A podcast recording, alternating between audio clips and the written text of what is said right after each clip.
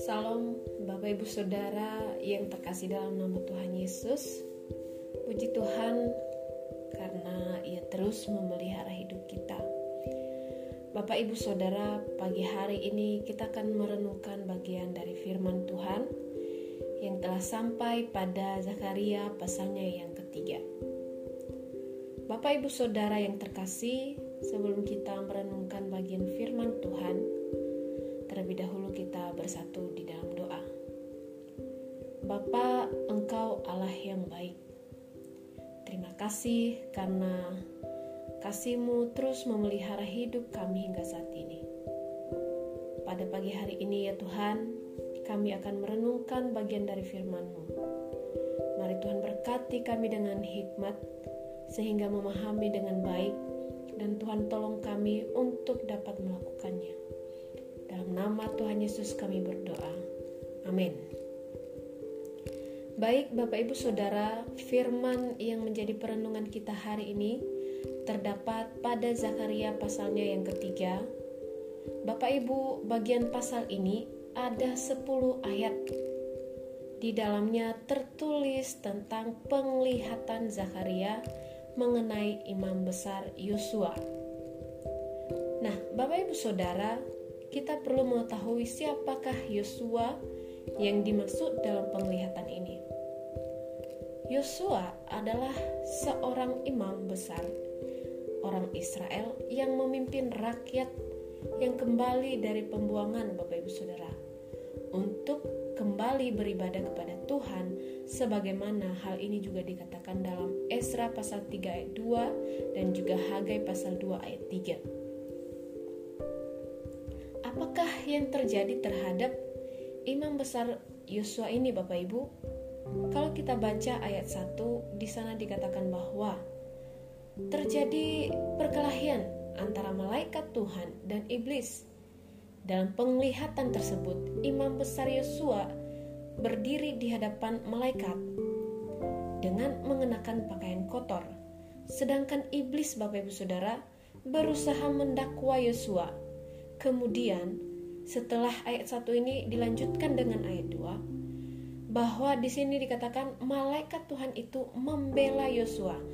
Nah, Bapak Ibu Saudara, dalam LAI ayat 2 ini masih memakai kata malaikat malaikat Tuhan. Namun dalam terjemahan bahasa Inggris di sana dikatakan and the Lord say yang artinya pembelaan tersebut sebenarnya bukan datang dari malaikat Tuhan lagi melainkan Tuhan sendiri yang membela Yosua dari dakwaan si iblis tersebut. Kemudian malaikat Tuhan menyuruh orang-orang orang-orang yang menggantikan pakaian Yosua yang kotor tersebut dan mengenakan mengenakan kepadanya pakaian pesta serta menyatakan bahwa bahwa ia telah menjauhkan kesalahannya daripadanya yaitu kesalahan Yosua dihapuskan Bapak Ibu Saudara. Bapak Ibu yang terkasih, kata menjauhkan kesalahan dan mengenakan pakaian pesta sebenarnya merujuk pada dosa-dosa yang dihapuskan, lalu mengenakan belas kasihan yang mengacu pada pemulihan kerohanian. Bahkan kalau kita melihat dalam ayat 6, Tuhan memberikan sebuah jaminan kepada Yosua bahwa apabila ia hidup menurut jalan Tuhan, maka Tuhan akan memakai hidupnya. Bapak Ibu, ada beberapa yang tersorot dalam penglihatan ini yaitu pertama, imam besar Yosua menghadap malaikat Tuhan dengan mengenakan pakaian kotor. Sekali lagi, pakaian kotor ini merujuk pada segala bentuk dosa. Kedua, iblis mendakwa Yosua oleh karena dosa-dosa tersebut, Bapak Ibu. Ketiga, Allah melakukan pembelaan terhadap Yosua. Dari dakwaan tersebut, ia menghapuskan kesalahannya dan mengenakan pakaian baru kepadanya yaitu bahwa Tuhan Bapak Ibu Saudara mengampuni segala kesalahan Yosua dan mengenakan belas kasihan kepadanya dan memulihkan kerohaniannya. Nah, Bapak, Ibu, Saudara yang dikasih dalam nama Tuhan Yesus Kristus. Kisah Yosua ini, kisah Yosua dalam penglihatan ini merupakan lambang bagi orang Israel dan juga menjadi lambang bagi kita orang percaya Bapak Ibu. Kita yang adalah manusia lemah kerap kali jatuh bangun dalam dosa. Sehingga hal ini yang menjadi senjata bagi iblis untuk mengintimidasi dan menghasut kita dengan pikiran-pikiran yang tidak baik, yaitu dia menghasut kita dengan pikiran-pikiran menganggap diri kita ini sebagai orang yang tidak layak di hadapan Tuhan, ya, orang yang tidak dapat diterima di hadapan Tuhan. Nah, Bapak Ibu Saudara, kiranya melalui dari kisah Yosua ini, ya, melalui dari uh, melalui penglihatan ini, kita juga disadarkan bahwa Allah itu kasih.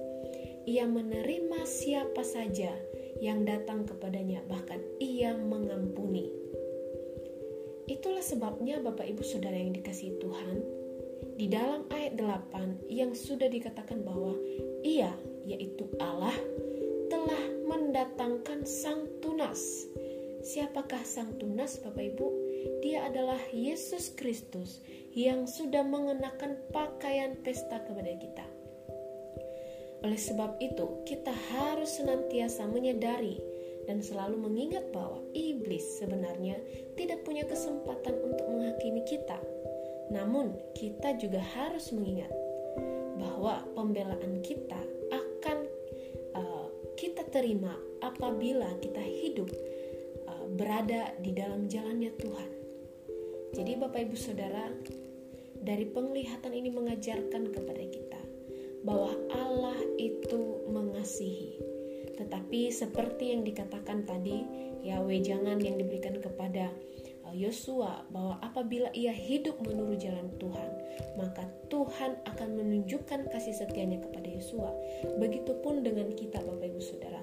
Memang kita adalah orang yang kerap kali jatuh di dalam dosa, tetapi kita telah diampuni melalui penebusan anaknya di atas kayu salib Bapak Ibu Saudara.